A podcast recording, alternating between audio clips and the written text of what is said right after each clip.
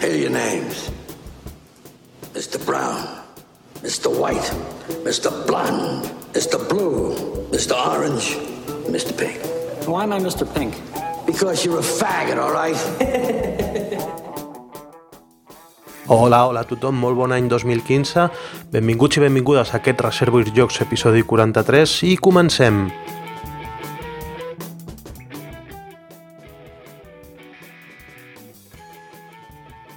Primer de tot volem felicitar el nostre company, el Miquel Bruque, perquè és el flamant guanyador del concurs de prototips de Berkami i de Dau Barcelona amb el seu prototip eh, Wake Up Tulu, que bueno, segurament en breu eh, tindrà la seva campanya de micromecenatge a Berkami, com era el, el premi que es donava en aquest concurs i esteu atents perquè nosaltres farem un seguiment d'aquest eh, joc i bueno, el Miquel Bruc el vam tenir eh, al, nostre, al nostre podcast justament a l'episodi 36 el 16 de juliol de 2014 quan el tercer correjocs del Club Amatent va venir a presentar un prototip que es deia Evil Rising i nosaltres bueno, li anem donant aquest seguiment i també bueno, parlarem amb ell sobre aquest Wake Up Tulu i la seva campanya de micromecenatge.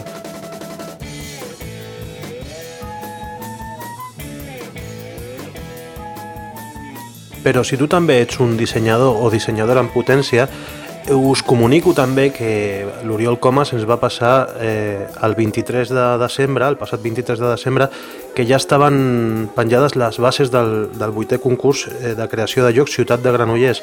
I on les podeu trobar?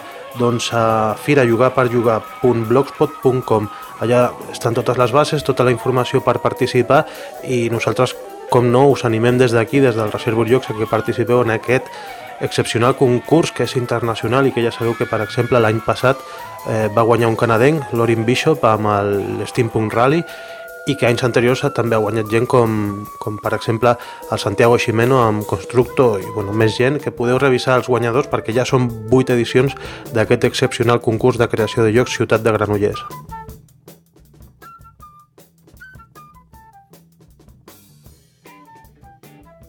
Sí, teniu raó, he dit dos cops excepcional concurs, és perquè me l'estimo molt, com ja sabeu, i bueno, eh, avui, avui en aquest episodi no tenim tampoc eh, gaire menú perquè us passem una xerrada, la, la ponència de l'Antoni Planells, eh, que va ser la, la xerrada inicial de Dau Barcelona 2014 i la tenim sencera, és una xerrada que vincula una mica videojoc i joc de taula, però els diferencia i ens eh, bueno, fa palès les seves diferències i les seves eh, similituds. I bueno, és una visió crítica i un tendir la mà al sector del videojoc des del sector del joc de taula a Dau Barcelona i crec, crec que està molt bé, és molt ben enfocada, molt ben programada i un convidat d'aquells per treure's el barret mm, d'aquells que porta l'Oriol Comas de tant en tant i que aporta contingut de valor. Nosaltres vam gaudir molt d'aquesta d'aquesta xerrada, d'aquesta ponència i esperem que també us serveixi. Està penjada en vídeo al canal de Vimeo de, de l'Institut de Cultura de Barcelona, però bueno, potser eh, tenir-la així en format àudio us, us va bé, no? I res més, us recordo les vies de contacte del Reservoir Jocs, que són reservoirjocs.cat, info arroba reservoirjocs.cat si ens voleu enviar algun correu i també estem a Twitter i a Facebook i només heu de buscar per, per Reservoir Jocs. També ens podeu deixar algun comentari, algun feedback als comentaris de la nostra pàgina web reservoirjocs.cat com ja he dit abans. I res més, al final us deixem una mica de música, un, un grup que es diu Major Major, que pels que sou una mica viejunos com jo, si us agrada Jarvis Cocker, el de, si us agrada Pulp, a mi em recorda una mica aquest grup anglès de, de Britpop, bueno, d'aquella època que, que es diu Pulp i bueno, de la música que he trobat Creative Commons que, que té una mica així de qualitat i res, us, us acomiadarem amb aquesta cançó. Continuarem penjant continguts de Dau Barcelona, esteu atents perquè en tenim més. Fins aviat!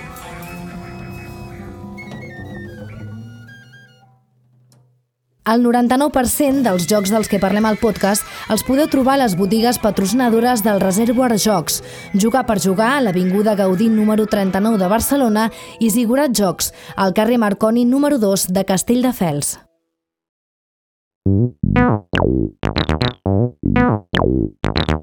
Bona tarda. Avui comencem Dau Barcelona. El, el festival serà dissabte i diumenge, però avui el comencem.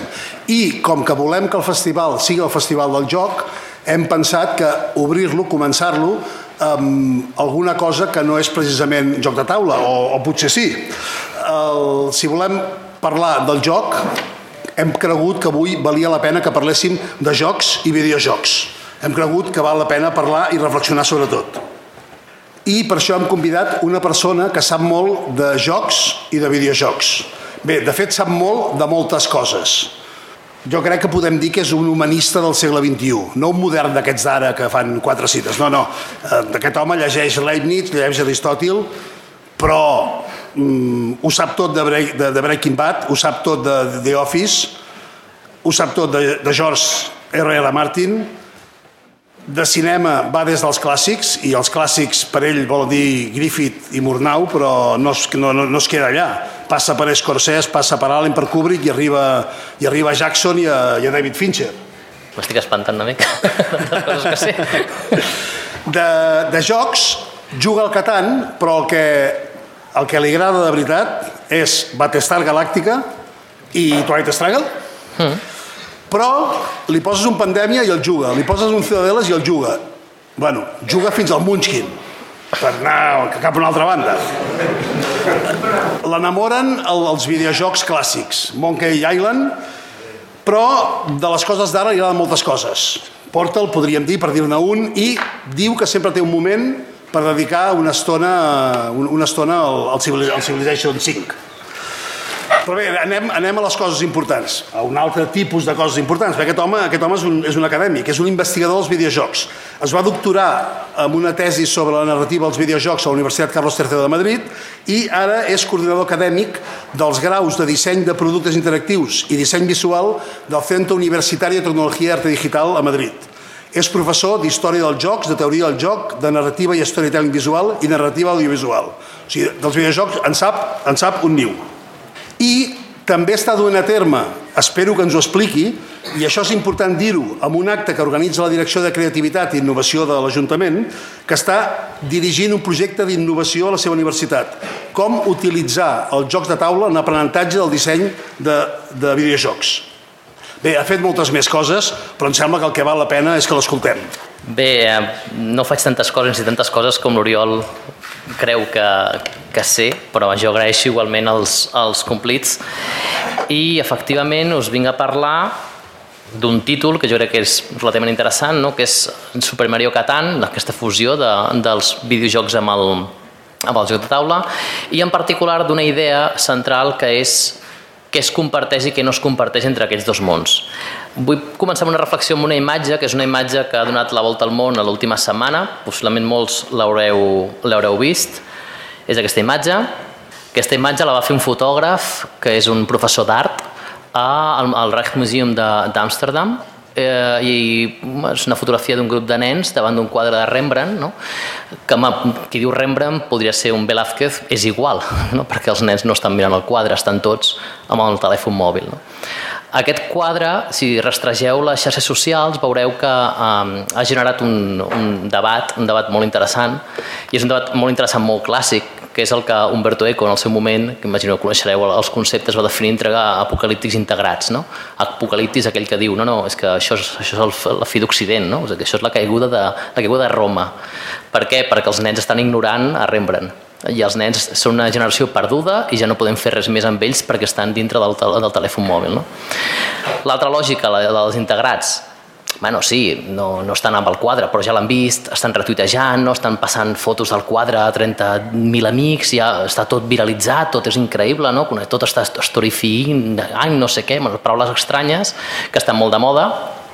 Bé, doncs, aquestes dues, dues tendències de l'apocalíptic o l'integrat, que són, en certa manera, una forma de no conciliar dos mons, ens porta a aquesta reflexió, que és la primera que vull compartir amb vosaltres, que és el nostre món és molt complicat perquè en el nostre món hi ha dos mons. Hi ha un món analògic, hi ha un món físic, i hi ha un altre món que és igualment real que el físic, però és el virtual, hm? pas que té un estatut de realitat diferent. Aquests dos mons són dos mons diferents, que parteixen de paràmetres diferents i exploten diferents virtuts, i per tant, quan intentem oposar els dos mons, mai arribarem a cap tipus de conclusió constructiva. No? Us ho dic perquè on jo treballo intentem integrar moltíssim la qüestió del, del videojoc amb totes les arts, entenent el videojoc com cultura i per tant ha de circular amb un ecosistema de cultura, però és molt difícil molts cops conciliar lo digital amb lo no digital. Mm? Llavors, gran part de la meva, de la meva exposició vull que l'entengueu en aquest marc. Mm? Jo no vinc a dir que el videojoc és millor ni que el joc de taula és millor perquè establir una comparativa entre els dos sempre és polèmica. La qüestió no és qui és millor o pitjor, la qüestió és quin mitjà fa millor què cosa. El videojoc és, fa millors coses o fa, té unes capacitats digitals i tècniques que permeten uh, abocar un tipus de mons. El joc de taula, el joc contemporani, el joc modern, que engloba no només el joc de taula, sinó veurem altres coses, té una capacitat de fer altres coses millor. Mm?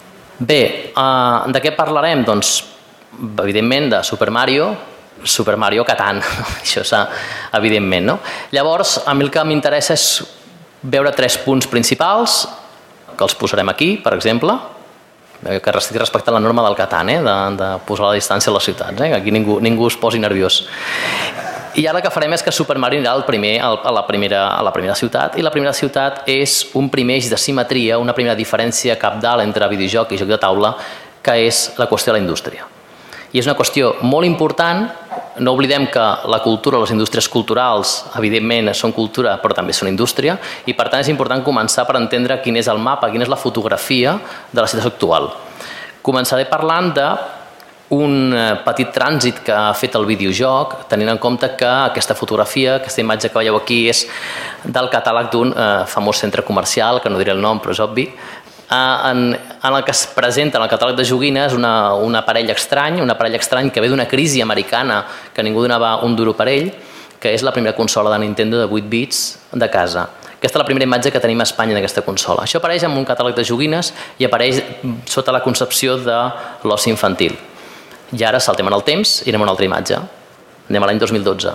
Shigeru Miyamoto, creador de Mario, el joc que es va vendre amb aquesta consola, l'any 2012 rep el Premi Príncep d'Astúries a la comunicació, un premi d'enorme prestigi a una persona que ha creat videojocs. Per tant, el videojoc, en primer lloc, és una indústria que que ha passat de, de la joguina infantil, d'una cosa que li compraves al nen perquè s'estigués tranquil, a un mitjà socialment i sobretot industrialment molt legitimat. Mm?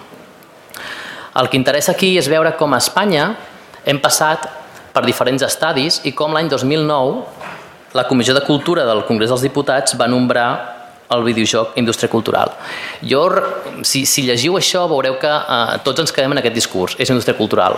Jo us recomano que aneu al BOE, eh, que aneu al, al, als 10 sessions del Congrés dels Diputats i veieu el debat i veureu que el debat principalment és això és indústria cultural per què? Perquè això, això pot generar molts llocs de treball. I a més a més, és indústria cultural perquè hi ha uns autors que haurien de fer alguna reforma a la llei de propietat intel·lectual, que per cert no s'ha fet, però bueno, l'hauríem de fer. I molt de fons, molt de fons es parla de això és, una, això és cultura. Per tant, en primer lloc és feina, en segon lloc és propietat intel·lectual, en tercer lloc és cultura i no apareix en cap moment la idea del joc. El joc no apareix ni als debats de sessions ni apareix a la resolució. Per tant, la indústria cultural del videojoc a Espanya s'entén com una indústria emergent que crea llocs de treball, però que no està vinculada al joc de taula, ni al joc modern, ni a cap tipus de joc entès com entenem nosaltres el joc. Mm? Algunes dates, perdó, algunes dades importants. Això és el llibre blanc dels videojocs, que ha sortit fa poc, Eh, aquesta tipografia tan horrible no és que l'hagi posat jo, és que l'he extret del llibre, eh, el Comic Sans aquest. Tenim unes dades que evidentment són espectaculars. Com podeu veure, l'any 2014 s'estima que la facturació global a nivell mundial serà de 75.200 milions d'euros. Facturació global. Mm? Si ens n'anem a Espanya, anem a l'any 2014, l'estimació són de 413 milions de facturació a la indústria del videojoc espanyola. Mm? Fins aquí tot molt bé, i aquí el que tenim és la dispersió de les empreses. Tenim les empreses, sobretot, en primer lloc estan totes a Madrid, 29%, Catalunya, València, eh, Andalusia i País Basc. Una cosa molt important, i aquí és on comencem a, veure els primers problemes de la indústria, i que és la fotografia amb la que vull que us, que us quedeu, és la distribució de capital. En un principi, això vol dir qui té les accions de cada, de cada empresa. El 97% del capital de les empreses de videojocs a Espanya és nacional, és nostre. El 3% és d'estrangers. Fins aquí molt bé. Ara ve l'altra cara de la moneda, que és el que no surt al llibre blanc. Del 100% de les vendes dels videojocs a Espanya, aquest 3%, aquest 3% de capital estranger, s'emporta el 97% de les ventes. I aquest 97% de capital nacional s'emporta el 3% de les ventes. Mm. Per tant, partim d'una base d'un sector que és un sector molt dependent, evidentment, de tres grans empreses, no? Sony, Microsoft, Nintendo, això no és eh, un gran secret, i de moltes microempreses espanyoles que intenten, eh, que lluiten per un 3% del mercat. Mm. Aquesta és una fotografia de, de GameLab de l'any passat. Aquest és Mark Sendry, que és el creador de PlayStation 4, l'arquitecte de, del sistema, i va ser ell mateix qui va dir a partir de l'any 2005 se'ns estan en el cap totalment. Ja no estem perdent la perspectiva del que és el videojoc. Per què? Bueno, doncs bàsicament perquè a dia d'avui els videojocs mitjans, estem parlant d'una producció mitjana, està entre els 60 i els 100 milions d'euros de producció. Estem parlant de uns um, 200-300 treballadors per projecte, i el Grand Theft Auto 5, que sabeu que és l'estat el gran joc amb, amb, amb major, de major facturació i major pressupost, es va fer amb 266 milions d'euros. Per tant, estem parlant d'uns pressupostos i una indústria que mou uns diners, però clar, uns diners que poden moure uns quants, no? Altres coses importants a destacar i tenir en compte en el videojoc. En primer lloc, i això és una cosa que, per exemple, el joc de taula no ha patit, i això és interessant tenir en compte, el videojoc l'està afectant moltíssim la qüestió digital. Per què? perquè Steam o el Humble Bundle, que és una pàgina en què tu pots comprar paquets de jocs més econòmics, s'està donant un efecte psicològic molt important, que és pagar 20 euros per un videojoc amb còpia digital de descàrrega ja es considera un abús. La gent no vol comprar per 20 euros un videojoc. Per què? Perquè estan sortint després ofertes de Steam i ofertes de Humble Bundle que en lloc de costar 20 euros està costant 5 o 6 o 10. Mm? Per tant, s'està devaluant el joc pel canal de distribució. Això és una qüestió important perquè això amb el joc físic no succeeix. La precarietat laboral, és un sector que continua amb uns problemes molt, molt seriosos de, de contractació. És un sector que s'anomena one-shot business, això què vol dir? Vol dir que les empreses normalment tenen la possibilitat de sobreviure amb un projecte. Llancen el projecte, si el projecte no funciona, tanca l'empresa. Mm? Això provoca una desarticulació empresarial bestial. A Espanya hi ha 330 empreses. De les 330 empreses, quantes d'elles tenen més de 10 anys de vida? No hi haurà més de 10. No varam aquí, Mercury Steam no arriba als 10 anys, uh, Piro Studios, que és en aquest cas el, el que pertany a UTAT, sí que porta 10 anys, però n'hi ha molt poques, hi ha molt poques empreses. La propietat intel·lectual, tingueu en compte que els videojocs són obres col·lectives a les que és molt complicat, traient a Sid Meier, que Sid Meier Civilization, no? busqueu un videojoc on hi hagi a la portada del videojoc l'autor. Veureu que no, no succeeix això i hi ha un dissenyador de jocs darrere.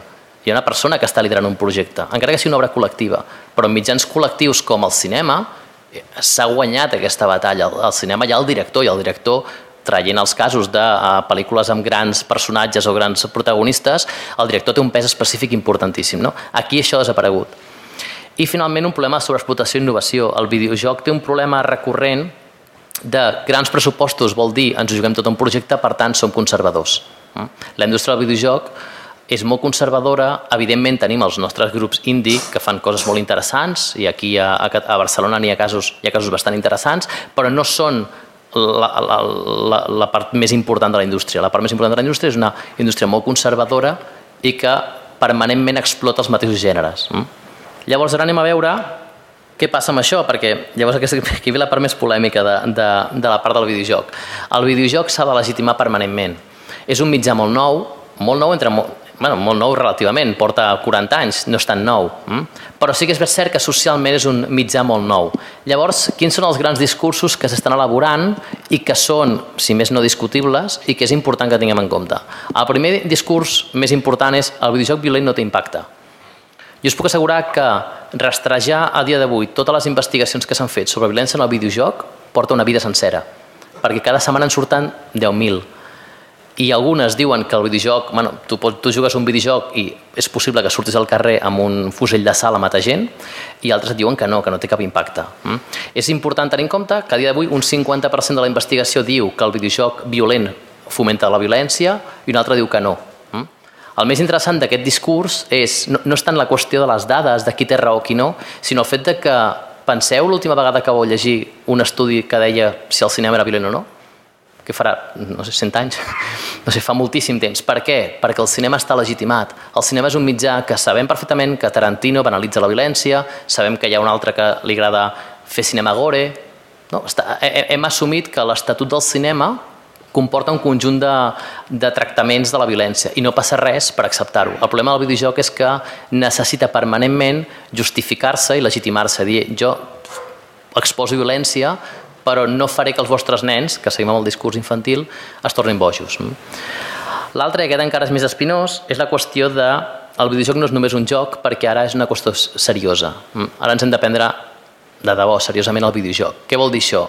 Ara tenim el tot el tema, tot el món de la gamificació i la ludificació, tenim els serious games per a empreses, no entraré a debatre si funciona o no, això és un altre debat i és un altre debat molt de fons. El més interessant és que s'està produint dintre del propi videojoc una eclosió o una separació. Hi ha el videojoc, diguem un FIFA, un Call of Duty, un League of Legends, que és el videojoc per tothom, és el videojoc per perdre el temps, però fer un videojoc que és seriós, hi ha un videojoc que no, no, que sí que és transcendent. No? I aquest videojoc és l'important. Què estem fent amb això en el camp del videojoc? I, i, i jo crec que amb això s'ha de ser molt crític. Ens estem separant del concepte de joc perquè el joc ja no és seriós. El videojoc necessita recalcar que és seriós i, per tant, per extensió, diu no, no, és que el joc per definició no ho és. És una cosa intrascendent, una cosa que feu quan us avorriu, a més a més amb els friquis, no? tot l'element despectiu de, del joc. Què diu el videojoc? Som uns friquis i perdem el temps amb aquestes coses, però eh, hi ha un grup de jocs que són molt importants perquè ens, ens legitimen com a una cosa seriosa. I el tercer és el videojoc com a element educatiu i disruptiu. És a dir, el videojoc, en tant que seriós, necessita imperiosament entrar a les aules per justificar un altre punt molt polèmic del joc, que és que el joc, amb el joc has d'aprendre sí o sí. Si no aprens amb el joc, no aprendràs amb res perquè el joc és divertit. Mm? Aquest és un altre criteri molt habitual i això està provocant la, um, el forçar la màquina des d'un punt de vista acadèmic, a col·locar videojocs a les aules. Hi ha investigació que demostri com es poden dissenyar jocs específics per assignatures? Gairebé no n'hi ha. No n'hi ha. Hi ha experiències i hi ha professors que han fet coses molt interessants, però el que no tenim a dia d'avui és formes de fer videojocs orientats a les aules que, per un costat, facin que l'alumne surti aprenent els conceptes i, per tant, jo faci un examen a l'alumne i l'alumne me l'aprovi l'examen, però alhora que aquest, aquest alumne pugui jugar aquest joc i aprendre, per exemple, una guerra freda eh, a 1614 a Barcelona, que jo pugui jugar això i a més a més m'ho passi bé i disfruti lliurement d'aquest aprenentatge. No tenim encara el grau de coneixement per afirmar aquest tipus de coses. I per tant, el videojoc, eh, i amb aquesta seria la, tancaria la, la part de la indústria, el videojoc segueix molt captiu del digitalisme. Què és el digitalisme? És tot aquest conjunt de discursos empresarials i de màrqueting que estan malmetent, estan convertint, estan agafant un, un mitjà que és molt jove, que té un llenguatge encara per explorar, i l'estan exaltant a un punt que el propi mitjà no pot aguantar. Mm? Ho veurem en, en alguns casos. Què tenim a l'altre costat de, a l'altre món, el món virtual no, el món físic. Tenim el joc de taula. El joc de taula, concretament els jocs, el que, el que des del DAO parlem del joc contemporani i joc modern, que engloben moltes àrees. No? Què ha passat aquí? Una cosa molt interessant, que és, sabem, i molts en aquesta sala ho sabeu en primera persona, que el joc va passar per una fase d'ostracisme, va passar per una fase de desert, eh, tant aquí com a nivell internacional, eh, traient, excepte en alguns països, en què el sector pràcticament desapareix. No? Hi ha jocs que s'estabilitzen i succeeix una cosa molt curiosa, que és el que jo denomino la, la, la llegenda negra i el fenomen del monopoli, que és que mentalment tots hem arribat a un punt en què hem arribat a monopoli i s'ha acabat la història. No? És a dir, el monopoli és el principi i fi del joc. Vosaltres agafeu a, tu, a qualsevol persona pel carrer i diu, tu jugues a jocs de taula o jugues a jocs contemporanis? I que et diran, no, no, jo el monopoli, monopoli, risc o trivial, podeu triar. Eh, però és altament probable que encerteu per aquí. Per què? Perquè és un sector que s'ha quedat en aquest punt. I a més a més s'associa amb una cosa que és relativament perillosa, que és jugar a Monopoli quan jugàvem a Monopoli, quan érem nens i jugàvem a casa amb els pares o jugàvem amb els amics. Per tant, també ens remet a un moment històric, a un moment vital. Per què haig de seguir jugant jo a jocs si això ja ho vaig aparcar a la infantesa? No? Aquest salt que el videojoc ha aconseguit fer, amb PlayStation, per exemple, PlayStation és un gran moment en què tots canviem el xip i podem, i podem reenganxar, el joc no ho ha fet. I això és una assignatura pendent molt important pel joc de taula. Això ens porta, a més a més, a que el videojoc és un sector que té un conjunt podem dir-ne obertament el lobby, que no passa res, el lobby en el bon sentit, no? la gent que es dedica a anar als mitjans de comunicació, als polítics a demanar coses, el videojoc té un lobby potentíssim, el joc de taula, el joc de rol, els wargames, els jocs de cartes, eh, no tenen encara una pressió mediàtica i social que reconegui aquests valors. Mm? I per tant és una indústria que si bé és cert com es va presentar al seu moment a DAO, té uns, unes xifres molt interessants de creixement, encara no han arribat a l'espectre social, encara no formen part de l'imaginari social. Mm? Tenim, com sabeu, diferents empreses, algunes molt grans, quan dic molt grans vull dir Hasbro, eh, perquè ens, ens anem directament a, a, a més enllà, mitjanes, mitjanes podem dir de Vir, podem dir Edge, podem dir Esmodé, en fi, una mica la, la, la gamma mitjana, i després tot un conjunt de startups i petites empreses que estan intentant aixecar, no? aixecar un, un sector, un teixit industrial molt important.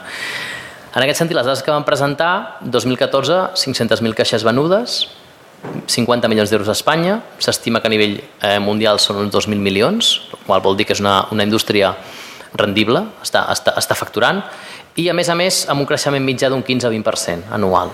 Mm? Això és molt important perquè això ens porta a pensar fins a quin punt podem integrar o no integrar a la indústria del joc de taula aquí a Barcelona, a Catalunya, inclús a nivell espanyol. No? Cal tenir en compte una cosa, nosaltres no podem fer videojocs com els americans. A dia d'avui no els podem fer. Traiem Mercury Steam, que va fer el primer Castlevania perquè Konami els va posar eh, 25-30 milions d'euros sobre la taula, no hi ha experiències similars a, a Catalunya, és molt complicat. Però què podem fer? Podem explotar el que ja tenim. I què tenim? Tenim un teixit local importantíssim, un, teixit local de botigues que venen.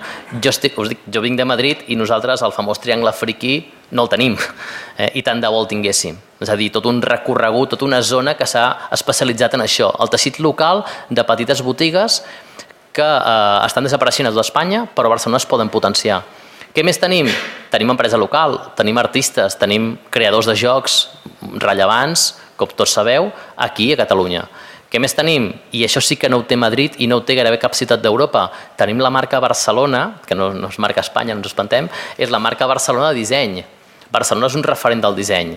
En millor o pitjor estat, aquí no entrarem, però sí que és cert que és un referent al disseny gràfic, del disseny de moda, perquè no pot ser disseny de taula gent de jocs contemporanis, que siguem un referent. No? És a dir, jo crec que Barcelona en aquest sentit té uns grans elements per potenciar una indústria que no ho està fent, per altra banda. En canvi, no tenim un bagatge potent de jocs de, de videojocs i és on estem fent més suport. Per suposat, fantàstic. Per, per mi, per suposat, fantàstic que es potenciï el videojoc, és una indústria molt interessant, però s'està perdent una oportunitat per potenciar una altra indústria que també és molt interessant. Mm? Bé, veient després les dues indústries, anem al segon caminet, i ens n'anem a una altra simetria. No? Teníem dos mercats molt grans, un gran, un gran mercat explotat, un mercat molt petit a explotar, però emergent, i ara ens n'anem a la part més polèmica i la part sembla més intangible, que són els imaginaris lúdics. És a dir, què fa bé el videojoc i què fa bé, per altra banda, el joc de taula. Què fa bé el videojoc? Bé, el videojoc, evidentment, és un, té un potencial enorme pel joc en solitari. Sembla increïble, però a dia d'avui moltíssima gent juga sola a l'ordinador, juga sola a la consola i no vol jugar amb ningú. Mm? Això és una cosa que s'acostuma a despreciar amb la qüestió online, però és molt important. I també tenim un cert, i dic cert, joc social, que és el joc online. Després en parlarem amb més detall.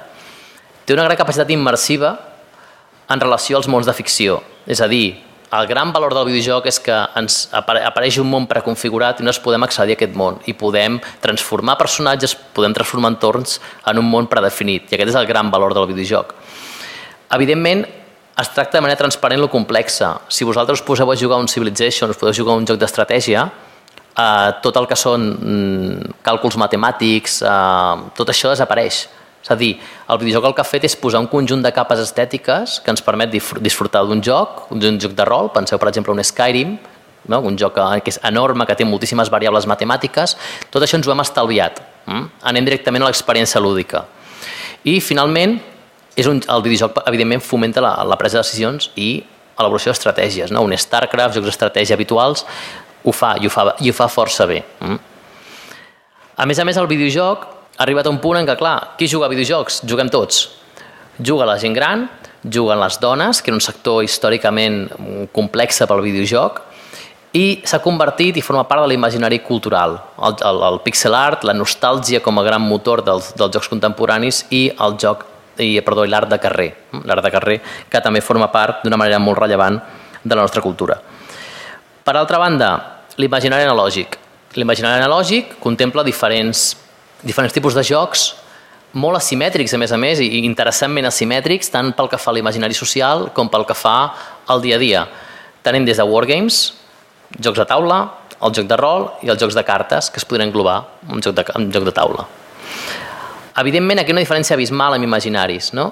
Tenim, eh, i aquí vaig a una referència acadèmica que és interessant, imagino que molts coneixen el, el Roger Calois, que és un, un, un antropòleg, filòsof. Roger Calois va fer una distinció molt important a l'hora d'estudiar eh, el joc a, a la humanitat i hi ha un concepte que sempre curiosament s'utilitza en videojocs, que és la diferència entre ludus i paideia. Ell deia que el ludus és aquell joc que és reglat i és aquell joc que és tancat.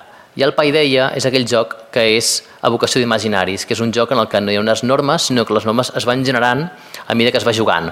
O en altres paraules, un joc reglat pot ser un Catan, vosaltres jugueu a Catan i hi ha unes normes preestablertes, un paideia seria un joc obert, un joc en què vosaltres genereu les normes a partir del joc mateix.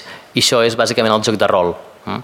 Aquesta diferència és important perquè el joc, el joc contemporani contempla el joc de rol. I és cert que el joc de rol va passar per un trànsit també s'ha complicat, inclús a nivell social. Eh, hi havia una època que si deu que jugàveu a rol, bueno, buscaven la katana a la vostra habitació, perquè ja segur que anàveu a matar algú. Hi havia una obsessió pel joc de rol eh, terrible, no? El joc de rol és precisament un dels imaginaris més interessants perquè no té contrapartida en el videojoc. I després parlarem d'això. Mm. Llavors, clar, tenim dos tipus d'imaginaris, el digital i l'analògic o físic, no? I llavors ja comencem amb aquest, perdó, amb aquest tipus de conflictes com veieu en aquesta vinyeta, no? Mm, vaig aprendre, vaig aprendre aquestes regles i seré un, un dissenyador de jocs de veritat, no? I ja, al cap de 10 minuts, 11 minuts, està jugant al videojoc, no? Això és molt habitual. És molt habitual, la, i n'hem parlat d'això abans, la corba d'aprenentatge d'un joc de taula pot ser terrible. Per què pot ser terrible? Perquè, evidentment, eh, això de que t'has de llegir un manual de Tourette Struggle, el manual de Guerra de l'Anillo, no? Compte, eh? Vull dir, cal una immersió, cal dedicar-li temps, cal ficar-s'hi, eh? no és què fa el videojoc? Posa la consola, ah, que no, no haig de muntar un setup de mitja hora amb mil fitxes, no, no, és que tu poses a la consola i jugues. Ah, que hi ha un tutorial que em diu el que haig de fer. Fantàstic, no? Fantàstic. Això ha provocat que en els entorns de disseny de videojocs hi hagi sempre, curiosament, quan jo tingut l'opció de parlar amb professors a l'hora de preparar aquesta ponència de, de videojocs, tots em deien, no, no, jo faig videojocs però jo respecto el tio que fa un joc de taula. O sigui, el tio que fa un joc de taula és un autor. Diuen, és un autor. Per què? Perquè la complexitat de, de l'imaginari analògic és molt més eh, complexa d'aterrar que un videojoc. Després, si voleu, podem parlar de la qüestió més mm, comercial, la qüestió més de producció, però en un principi aquest, aquest element és diferencial. Mm. Llavors, algunes qüestions que sí m'agradaria comparar. Primer, la socialització. Bueno, aquest és el gran, un dels grans cavalls de batalla, ja sabeu la famosa frase de Plató, no? que es coneix millor una persona amb una hora de joc que en tota una vida, deia Plató. Per què? Perquè, evidentment, tenim dos tipus de socialització que no són una millor que l'altra, però sí és cert que una s'ha convertit en hegemònica. Quina és l'hegemònica? La del videojoc. No? El videojoc és un joc en solitari, pots jugar solitari, pots jugar online i a dia d'avui és l'hegemònic, però sempre tenim una interacció mediatitzada. Això què vol dir? Que quan es diu que el videojoc és social, la gran pregunta, el videojoc és social? Sí, és social, però és social d'una manera mediada. Sempre hi haurà algun referent, algun element que ens separarà de l'altra persona. Va haver algun moment en què el videojoc va ser molt més social que ara? Sí, als salons recreatius. Per què? perquè el videojoc del saló recreatiu era un, era un vincle amb una comunitat física. Nosaltres anàvem amb els nostres amics i ens picàvem el joc i tal, i estàvem allà al saló, no? Però el joc en si no era una finalitat, hm? era un mitjà per estar amb els nostres amics. Quan juguem una consola a casa, també tenim una mediatització, però també és molt més dèbil. A quin model estem anant? El joc online. Vosaltres podeu jugar un joc com Call of Duty, jugar amb un japonès, amb un nord-coreà, amb un nord-americà, amb un xilè, online, sense que us veieu les cares, sense que conegueu el nom real, i ja està. És un tipus de socialització que existeix, però particular. Mm? Hi ha una mediatització d'un sistema. Què tenim en canvi en el joc contemporani? Un joc en solitari ocasional, és cert que més enllà d'adaptar jocs al, al mode solitari, jocs específics tipus Viernes, no? que sigui un joc eh, únicament solitari, per què, per què n'hi ha tan pocs i hi ha molt més jocs socials directes? Perquè el joc està pensat per jugar en societat. Des del principi dels temps, ja ho deia Plató, però si rastregeu Freud, rastregeu Brunner, rastregeu Piaget, rastregeu Vygotsky, tots els grans analistes de uh, la psique humana us diuen no, no, és que el joc és essencialment un acte social, perquè si no, no té sentit jugar. Una persona, un animal sol no juga. Una, una persona juga per connectar amb els altres. Per tant, és lògic que el joc eh, modern tingui aquest component social. Per tant, la interacció és directa. Mm? Aquí hi ha una diferència important. Per què? Perquè una cosa és reivindicar, i aquesta sí que em sembla important, és reivindicar que el joc, el joc contemporani, ens aporta un tipus de socialització que no pot aportar el videojoc. El videojoc aportarà una, una socialització mediatitzada, que és molt interessant, però no confonguem les coses, l'experiència no serà mai la mateixa. Mm? Una altra qüestió, la immersió, un concepte molt complicat, però que ens ve també a, a parlar d'una cosa molt interessant, que és els videojocs evoquen un món virtual, nosaltres, en canvi, amb els jocs de taula, cartes i el joc de rol, sobretot, un món ficcional molt interessant, i el videojoc ha fet una cosa que també està sent molt qüestionada en l'àmbit acadèmic per, cap al videojoc, que és el videojoc no es pot legitimar en si mateix. El videojoc ha d'anar sempre acompanyat d'un germà gran.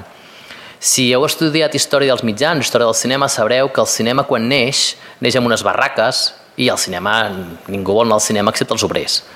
Què fa el cinema? Se'n va a les grans avingudes de les ciutats, es posa a comprar teatres i posa les pel·lícules amb un taló i el taló puja, puja i es presenta la pel·lícula. Per què un taló als cinemes antics? Perquè el cinema es vol legitimar amb el teatre. El cinema diu, jo vull ser com ell, que és el meu germà gran. Què està fent el videojoc? El videojoc podia, tenir, podia prendre dos camins. Un, jo sóc un joc digital i per tant m'emmirallo amb un Catan, m'emmirallo amb un joc modern. Però això, aquest no ha estat el camí del videojoc. En part, en part per responsabilitat del propi joc. Una indústria que no ha tingut visibilitat no pot ser un, um, un referent. Llavors, com que no tenim referent en, envers el joc, evidentment ni pensem en, en els casinos, no podem anar cap aquí perquè això és una, una perspectiva de joc molt nociva i socialment molt deslegitimada, què ha fet el videojoc? Me'n vaig cap al mitjà hegemònic, el glamurós, no? el dels Oscars de Hollywood i l'alfombra vermella i s'ha convertit en el, en el mitjà súbdit, dit d'una manera, si voleu, una mica despectiva, del cinema. Llavors, ara ens trobem, i això us dic per l'experiència acadèmica, que és molt complicat separar narrativa del cinema narrativa de videojocs. Cada cop és més difícil, perquè el videojoc està mimetitzant gran part de l'experiència fílmica del, del cinema. Mm. Què ha fet el joc de taula i el joc modern? Ha intentat superar aquest trauma, superar aquest fenomen, aquest fenomen que he dit abans del monopoli, anar, com sabeu, cap a nous paradigmes, aquí estaria tota la qüestió de l'Eurogame i, i, i altres, i intentar entrar en eh, una forma de ficció molt més interactiva. Jo hagués posat dues paraules clau perquè són importants. El, el videojoc evoca un imaginari, mentre que el joc de taula i el joc modern evoca la imaginació. Són coses diferents. Quan vosaltres entreu en un videojoc, us proposa un imaginari preestablert, unes imatges. Les imatges les imatges el que provoquen és un imaginari, no la imaginació. Això és important tenir en compte. Si jo entro en un món virtual, tota la imaginació ja està feta. Hi ha un imaginari preestablert. Això no vol dir que jo a partir d'aquest imaginari pugui imaginar alguna altra cosa. En canvi, en el joc, si bé és cert que la major part de jocs vinculen un tipus d'imaginari, també és cert que tenim aquesta part del de, joc de rol, que per això dic que és molt important, que el joc de rol planteja unes nocions bàsiques, però la feina de fons del joc de rol està en la imaginació, no està en l'imaginari. Mm?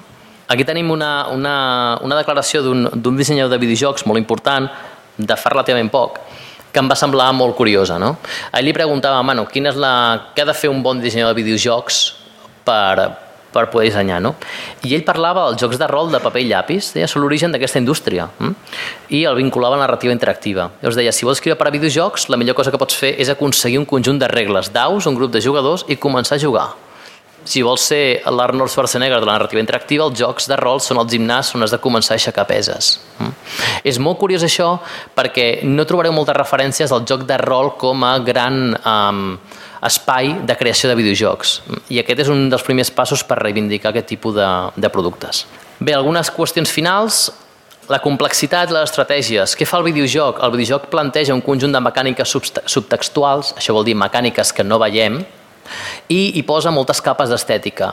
Torno altre cop al joc de rol, al joc de rol d'ordinador. Al joc de rol d'ordinador hi ha molts jocs de rol que no podeu definir els paràmetres fins al punt matemàtic, no veieu tot això, les taules matemàtiques no les veieu. Per què? Perquè el, el joc de rol ho emmascara a nivell estètic i, a més a més, tendeix a un joc d'acció molt més dinàmic que el que tenim en el joc modern. Per què? Perquè en el joc modern, gràcies un altre cop a, a per exemple, el rol que va tenir l'Eurogame en el seu moment, s'ha intentat eliminar gran part d'elements superflus, podem dir-ne així, però sobretot potenciar l'apartat de l'estratègia, l'apartat de com juguem i com intentem posar l'estratègia en primer ordre.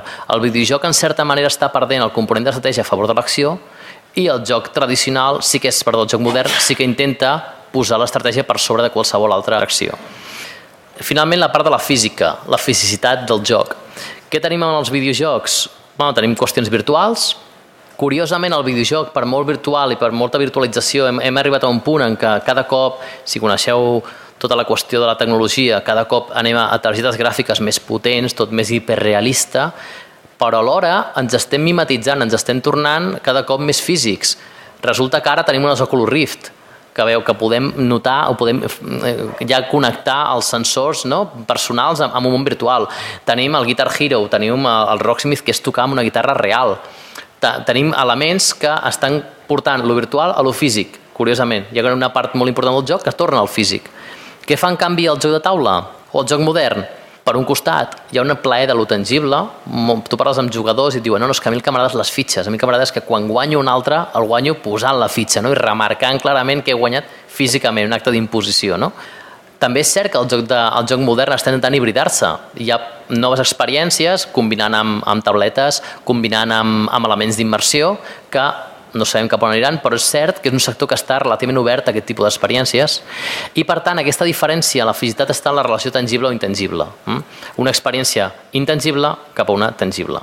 I finalment, la qüestió de la creació, que a mi sembla una qüestió molt important i que a mi sempre m'ha sorprès molt per part del joc de taula i del joc modern, que és en el videojoc, obres molt grans, molts diners, l'autor és l'empresa, traient Sid Meier i traient Peter Molinex, però que realment no firmen ni el joc, sinó que són estrelles que van als, a les fires, i arriba un punt en què es diu l'obra es descontrola, és una qüestió interactiva. Hi ha jocs en què nosaltres hem de donar tanta llibertat al jugador que arriba un punt en què no podem controlar l'obra. Això és una de les coses típiques que comenten gran part d'enginyers de videojocs.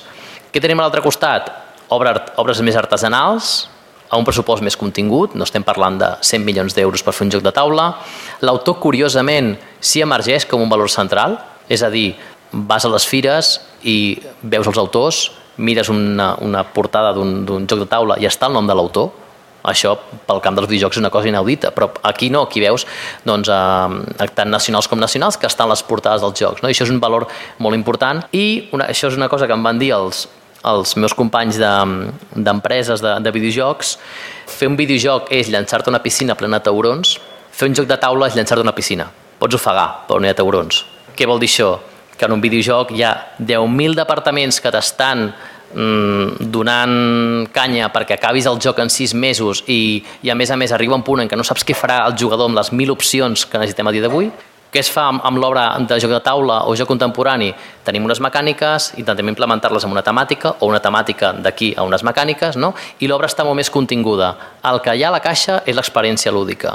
El videojoc tendeix, en canvi, a un problema de, de contenció. I entrem a la part final, que la part final el que m'agradaria explicar-vos una mica el projecte que us ha comentat l'Oriol de la vinculació entre jocs i videojocs, l'ús que hem fet nosaltres a l'AUTAT amb una assignatura molt específica, que és teoria del joc. Hem partit d'una hipòtesi molt general, que és, evidentment, agafem tots els alumnes que hem tingut, eh, la mostra són 350 alumnes i són tots de carreres específiques per ser futurs dissenyadors de videojocs. És a dir, no hem agafat gent de dret, gent de política, no, no, són gent que volen ser dissenyadors de videojocs.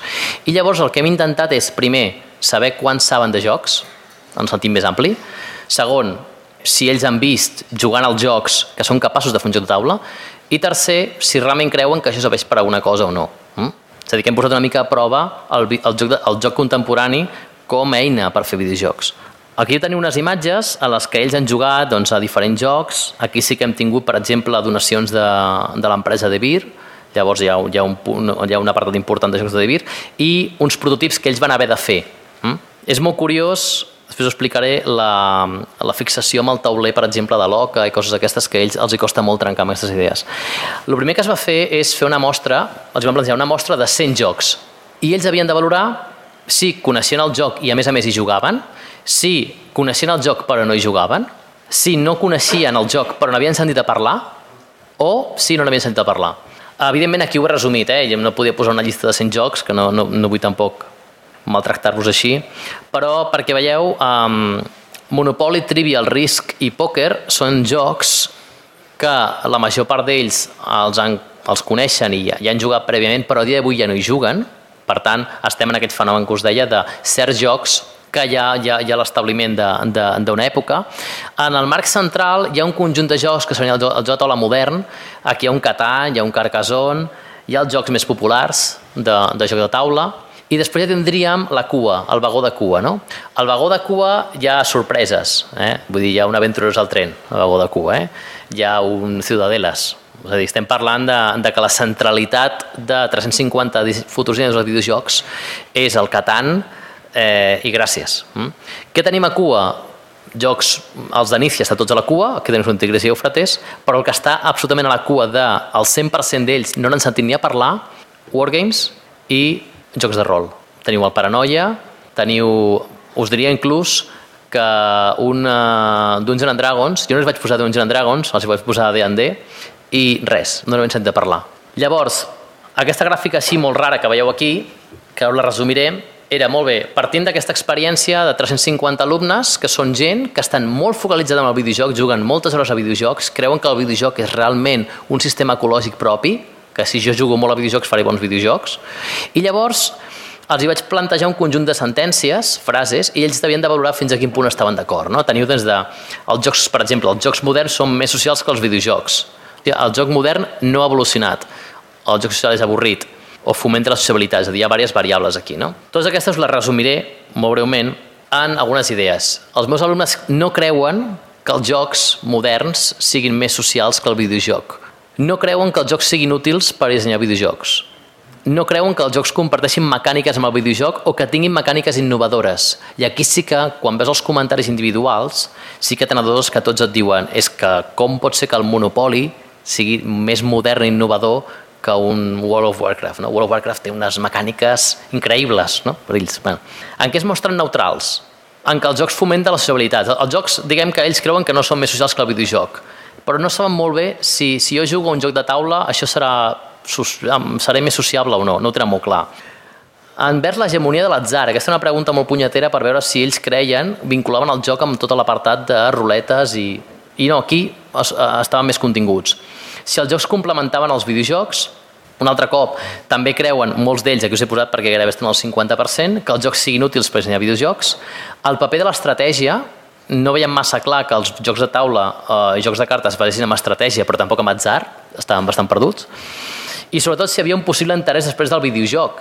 Aquesta és una pregunta eh, ja radical, que és bàsicament, tu creus que després de que apareixessin els videojocs ja no interessa el joc de taula, perquè ja hem evolucionat, no? És com ens hem quedat. Interessa el telègraf després de l'email? No, doncs això seria una mica la mateixa idea, no? En què sí que estan d'acord? És curiós això. Estan molt d'acord en que els jocs no han evolucionat Aquí estan tots molt d'acord. Eh, que són avorrits. Però insisteixo en que ells estan sota el fenomen monopoli. Ells creuen que el monopoli, del monopoli no sortir res més i que són avorrits perquè els recorda a una cosa ja tediosa que els videojocs són més dinàmics i ràpids. El videojoc és més dinàmic i ràpid perquè creuen que com que tot es mou més ràpid són més dinàmics. I aquí hi ha una concepció interessant i molt interessant de, del concepte què és dinàmic i què no és dinàmic en el joc. Que no necessiten mons de ficció els jocs de, de taula. Per què? Perquè el monopoli d'un joc de ficció, que bueno, quan hem vist 35.000 riscs i 35.000 monopolis del Senyor dels Anells, del Simpson, de tal, això és intrascendent per ells, no?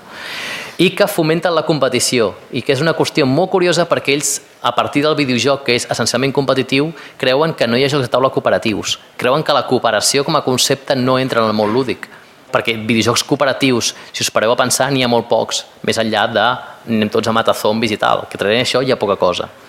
Aquí teniu eh, els jocs amb les notes i veureu com bueno, podem estar més o menys d'acord, eh, cadascú té el seu criteri, però una cosa que a mi que em va semblar molt rellevant era el suspens d'Eres una vez, no? un 3. Aventuros al tren un 6, bueno, és que té això de trenets, són peces rares que no diuen res i tal, va estar Galàctica sí, però això de que és molt complex, no l'entenc. Fuga de Colditz també, però també és complicat i que agafar les habitacions que m'he perdut. El Desierto Prohibido perquè perdien sistemàticament Carcassonne sí, perquè era assequible. El King of Tokyo és guai, no?, perquè és ràpid i aquest, aquest és guai perquè és dinàmic, és dinàmic com un videojoc. El banc també és molt divertit perquè et puc trair, a més és de disparar i és acció i això és guai. El Munchkin perquè és una bogeria, és un caos absolut i això ja evidentment els encanta. Curiosament, el Senyor dels Anells d'Anícia els hi va agradar molt, els hi va agradar molt, no, és com la, la seguint aquesta lògica és, és la que trenca i el Catan que seria el, el més valorat, no? Però per què l'Eras una vez cau? A mi em sembla molt important arribar a aquest, a aquest tema i aquí us he portat algun dels comentaris que ells fan de l'Eras una vez. Fixeu-vos què deien ells, eh? això, són, això són eh, extractes reals dels comentaris. Tiene unas reglas muy efímeras ya que depende del criterio de los jugadores. El concepte de regles efímeres, que és un, és un concepte revolucionari, que són regles que acaben, no sabem com, però de cop desapareixen, ya que depende del criterio de los jugadores. Vale. Las reglas son demasiado ambiguas, una regla ambigua, y si la existencia de un moderador es un caos. Y la mecánica me parecía muy aburrida y la falta de reglas hacía el juego muy caótico si el grupo no ponía mucho de su parte. Doncs aquí a lo que estem el que jo estic assistint amb aquests alumnes, a 300 i pico alumnes, és una generació de futurs dissenyadors de videojocs que no han jugat a jocs de rol. Aquest és la gran, el gran resultat d'Eras una vez. Eras una vez és un joc que no funciona perquè és un joc que no està basat en el ludus, és un joc molt més paideia, és un joc molt més obert, molt més que es va creant, i ells no en tenien aquest concepte. No en tenien el concepte de no, no, no, com és que no hi ha regles clares, com és que no hi ha una autoritat una autoritat que sigui, per exemple, el torn, no? la lògica aquesta de jo sóc un narrador però ara puc prendre la narració. Per tant, per acabar ja, algunes idees de l'enquesta, jo vaig, després vam, ells el que van fer va ser jugar tots aquests jocs, van fer uns prototips de joc, els van presentar, i després vam repetir l'enquesta. Bueno, hi ha hagut algunes consideracions interessants. Per començar, de cop el joc modern existeix, i té mecàniques innovadores i és interessant, és interessant. Eh, estaven al·lucinats amb el Munchkin, els va encantar, el King of Tokyo van sortir tots corrent a comprar King of Tokyo fins a esgotar les botigues de Madrid i el, um, el Battlestar Galàctica fan partides a dia d'avui de Battlestar Galàctica a la universitat, ja han entrat en les mecàniques i això de, de, de ser el traïdor i tal els encanta. Posa una cosa que a mi em sembla tremenda, que és, eh, posa en relleu les mancances dels alumnes a nivell d'imaginació insisteixo que si volem crear obres creatives hem de tenir imaginació. I per tant, aquesta idea que repetir el dissenyador de videojocs que hem de jugar a jocs de rol per fer videojocs és més cert que mai. Cal accedir aquest tipus de jocs i per tant jo el reivindico, crec que hem de reivindicar aquest tipus de, de propostes. Curiosament, jocs cooperatius, desierto prohibido, ah, que no ens hem de pagar, que, no, que, no, que això no és, no, és, no és violent, que hem de sortir d'aquí, que s'enfonsa tot amb la sorra i tal. Fantàstic, els hi va encantar. Valsa Galàctica, el tema d'enganyar-se, el banc, també els va agradar molt. La idea d'anar eh, a un tipus de joc que el videojoc no acostuma a fomentar. Jocs cooperatius i jocs de rols ocults en videojocs és molt estrany trobar-los. I per tant ells han descobert en el joc tradicional un complement al videojoc molt interessant, que és altres mecàniques, altres formes de fer jocs. Variables importants que pugen, home, sociabilitat, s'interessen pel joc, i han descobert que hi ha quelcom més allà del monopoli. Mm? I això crec que en si mateix és un valor.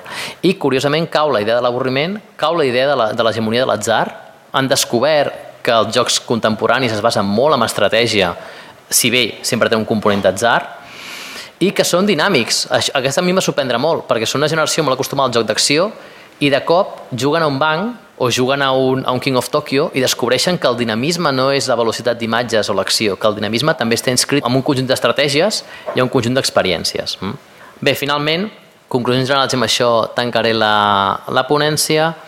La primera conclusió que em sembla important és tenim un repte per davant molt important, és el repte de està molt bé que tinguem una indústria catalana del videojoc, per suposat, fantàstic que hi hagi un Game Lab, per suposat, però no podem deixar perdre l'ocasió d'impulsar la indústria catalana, el teixit local, tant a nivell de distribució com de venda, com de creació d'obres, com de reconeixement d'autors a nivell internacional. Això crec que és una cosa absolutament bàsica, i us dic des de Madrid, venint de Madrid, que a Barcelona hi ha uns condicionants que, per exemple, a Madrid no hi són, i per tant crec que s'han d'aprofitar.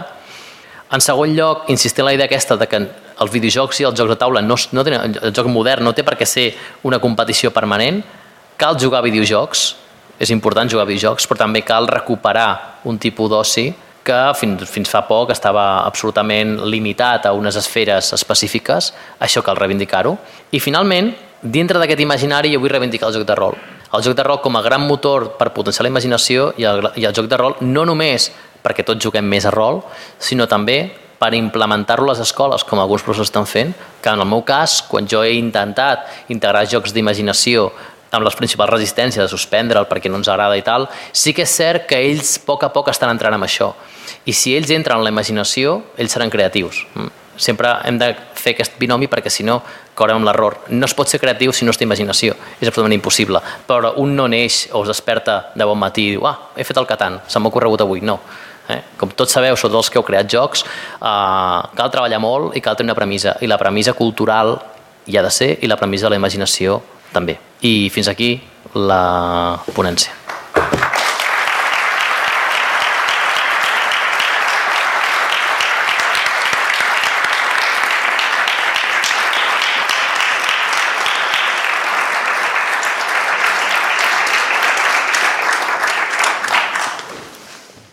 Hola, felicitats per la conferència, ha estat super interessant.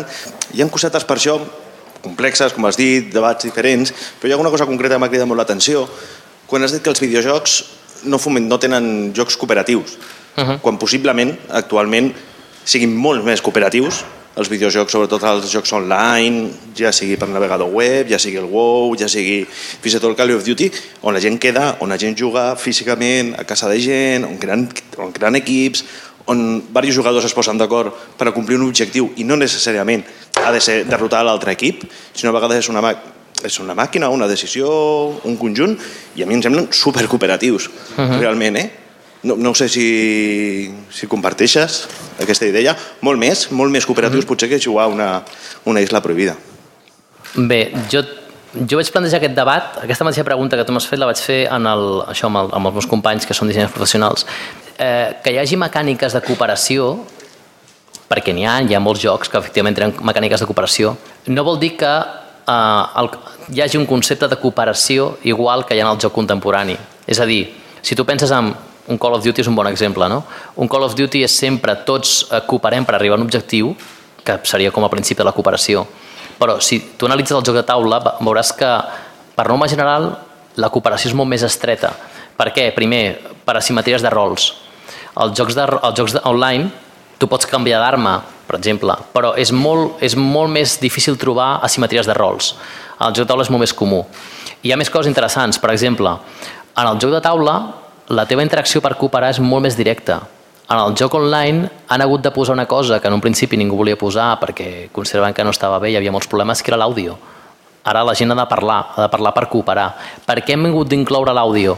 Perquè a nivell de mecàniques del mitjà, del propi videojoc, el videojoc és incapaç de fomentar mecàniques cooperatives al mateix nivell que el joc de taula. Llavors, què hem fet? Bàsicament el que hem fet és posar àudio perquè estiguem parlant tu i jo com si estiguéssim un davant de l'altre. No és que sigui una, una mancança, jo crec que és senzillament que el videojoc, per una vegada, s'ha fixat amb el joc de taula per implementar una mecànica o una forma d'interacció més directa. Ara bé, que el videojoc ha d'intentar buscar la seva forma de cooperació, jo crec que sí. Hi ha jocs cooperatius, eh, sens dubte, però ja et dic, jo crec que no arriben a un punt de cooperació com pot ser un, un Isla Prohibido, un Desierto Prohibido. Crec que és una altra forma de cooperació, però no crec que arribi a aquest punt. L'àudio, bàsicament, és crear per la necessitat de prendre decisions ràpidament en fracció de segons. Sí. En un joc de taula tu pots... No, no sé si algú juga a la, juga a la, a l'illa prohibida sense parlar, per dir-ho d'alguna -huh. manera, però en jocs així de navegador, de navegador web, Travian i de més, no creus que el nivell de, de cooperació, déu nhi el que, el que s'arriba a aconseguir? No ho sé, però... Sí, sí, jo, jo crec que el, o sigui, el videojoc en, en tant que no pot fer una cooperació directa tan eficient com fa un joc de taula, fa una cosa molt interessant, que és eh, ho fan diferit a través de comunitats. I això us veu molt bé amb els jocs online, inclús a World of Warcraft o, o un Guild Wars, on, van, on queden tots per fer una missió. I per tant aquest és el gran valor social del videojoc, intentar establir comunitats, i és on funciona molt bé. Jo tinc un company que porta 25 anys en videojocs i ell em deia, jo quan veig els, els Travians o Games i tal, em recorda moltíssim quan, em deia ella, quan jo jugava al joc per correu del joc internacional del Senyor dels Anells per què? Perquè és gestió de recursos, és jo envio una cosa, ja arriba la carta, eh, tinc el meu mapa amb, a, a la paret, i és, és això, és aquest tipus de joc eh, en diferit, que el videojoc ha perfeccionat i a més a més amb els fòrums i amb comunitats online ha arribat a un punt que són molt complexos. I jo crec que aquesta és la via correcta de, de cooperació del, del videojoc. És la forma que ell té Veus, aquí tornem a la idea de... És un mitjà que ha de buscar el seu propi llenguatge. Aquest és el llenguatge del videojoc de les comunitats però no pot competir a nivell d'individualitat, això és impossible però a nivell de, com de comunitat sí pot fer-ho. Bones. Eh, M'ha semblat molt interessant i a més a més des de la meva perspectiva una mica a mig camí entre una cosa i l'altra eh, soc informàtic de formació, educador de professió i sempre he intentat introduir el joc com a element d'aprenentatge i um, m'he trobat amb una cosa que no sé si, si t'haurà passat a tu i comparteixo aquesta experiència a veure què et sembla.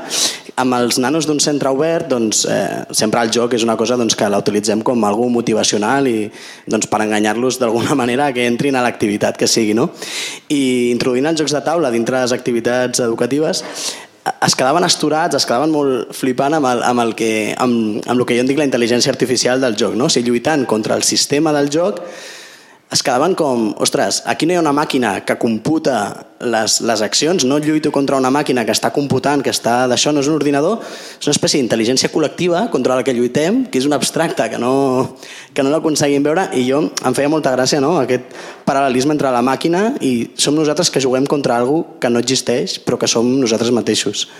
I llavors això els flipava un munt. Vull dir, jugant a l'illa prohibida, al pandèmia, a l'Andor, no? Hòstia, la fitxa la moc jo, però lluito contra el sistema del joc, no? I, i, per, a, i per altra banda, a, a, aquestes coses que comentaves entre, entre videojocs i, i jocs de taula, jo les he experimentat molt en, en com realment eh, enganxats a les maquinetes dels jocs més, més superficials, al posar-los un joc de taula davant, ells mateixos se n'adonaven que havien de tirar molt més de, de, de la imaginació, no? inclús. Uh -huh. Vull dir que sí em va passar... De fet, una de les experiències més espectaculars que vaig viure a classe va ser l'amotinament contra el Desierto Prohibido, perquè hi havia, hi havia un grup que era incapaç de guanyar, anava perdent permanentment, permanentment. I, de fet, després de classe, eh, jo, vam muntar la ludoteca a l'Autat i llavors ara el que hem fet és habilitar el préstec. Ells poden llogar, poden treure pel·lícules, poden treure videojocs amb les consoles i poden treure jocs de taula i jugar al centre, no? I dos per tres te'ls trobes al passadís i sents crits, me cago en no sé què, tal. Per què? Pues perquè... I, el, i els, els, els fa molta ràbia justament perquè en una època digital en la que dissenyem grans intel·ligències artificials que són capaces de fer moltes coses, eh, hi ha una illa, allà, perdó, hi ha un desert amb sorra i cartes que t'estan destrossant. I sí que és cert que ells no ho entenen. És, és, una, és una ruptura per ells total de lo que suposa, i amb això comparteixo la, la teva experiència és que aquí una qüestió molt important que és la, la, el, bagatge, el bagatge experiencial, que és, um, tu, és a dir, tu pots imaginar a partir de la lletra, però en quan veus una imatge, t'aboca un imaginari, per tant, t'ancla. No? Aquí hi ha un debat, un debat interessant de de, eh, no sé, heu vist el tema aquest de certes escoles que després han dit que no, escoles nòrdiques dient que a partir d'ara ja no escriurien a mà els nens i tal, i que com que estàvem intentant superar la idea de la lletra, la lletra està superada per una cultura de la imatge. No? El més interessant és que quan tu planteges a una gent jove que està immersa en mil pantalles, te n'adones que quan treus les pantalles i els dius, molt bé, ara eh, arribes a un poble, entres a una taverna, hi ha un vell que et diu, eh, has de buscar la meva filla en una cova. Què fas? Blasca. Ha caigut Occident, totalment, perquè es bloquegen, és a dir, ja no, ja no saben, no, no, no però, però, qui, però quins botons o quins daus o qui que hi ha, no, no, no, fes el que tu vulguis. I és cert, és cert. Res més, moltes gràcies Anton, jo crec que ens has obert un, unes reflexions que hi, hi haurem de tornar. I res més, el DAU avui ha començat, esteu tots convidats, el, la segona el segon acte previ de Dau Barcelona és divendres que ve a les 7 de la tarda aquí mateix. Aquí mateix vol dir aquí la Virreina, no en aquesta sala, en una altra. El divendres la Nadine Sel, que és la directora del Festival Internacional de Jocs de Cants, ens explicarà l'experiència del, del seu festival. Després farem la gala dels segons premis Dau Barcelona, amb sorpreses, no, encara no sabem qui ha guanyat. I eh, ja està, i després farem, prendrem una, una cervesa plegats. I el dissabte, a partir de les 10, no tancarem fins diumenge a les 8 de la tarda, ja ho sabeu, amb tot de coses, moltes fetes per vosaltres mateixos. Per tant, moltes gràcies i fins divendres.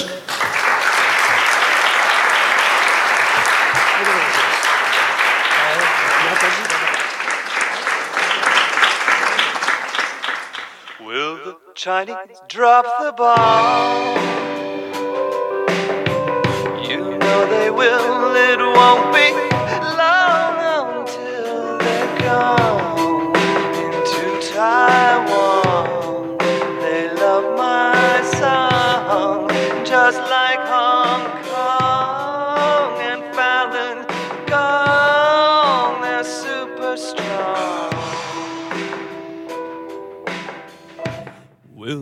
police smash your face. You know they will if you step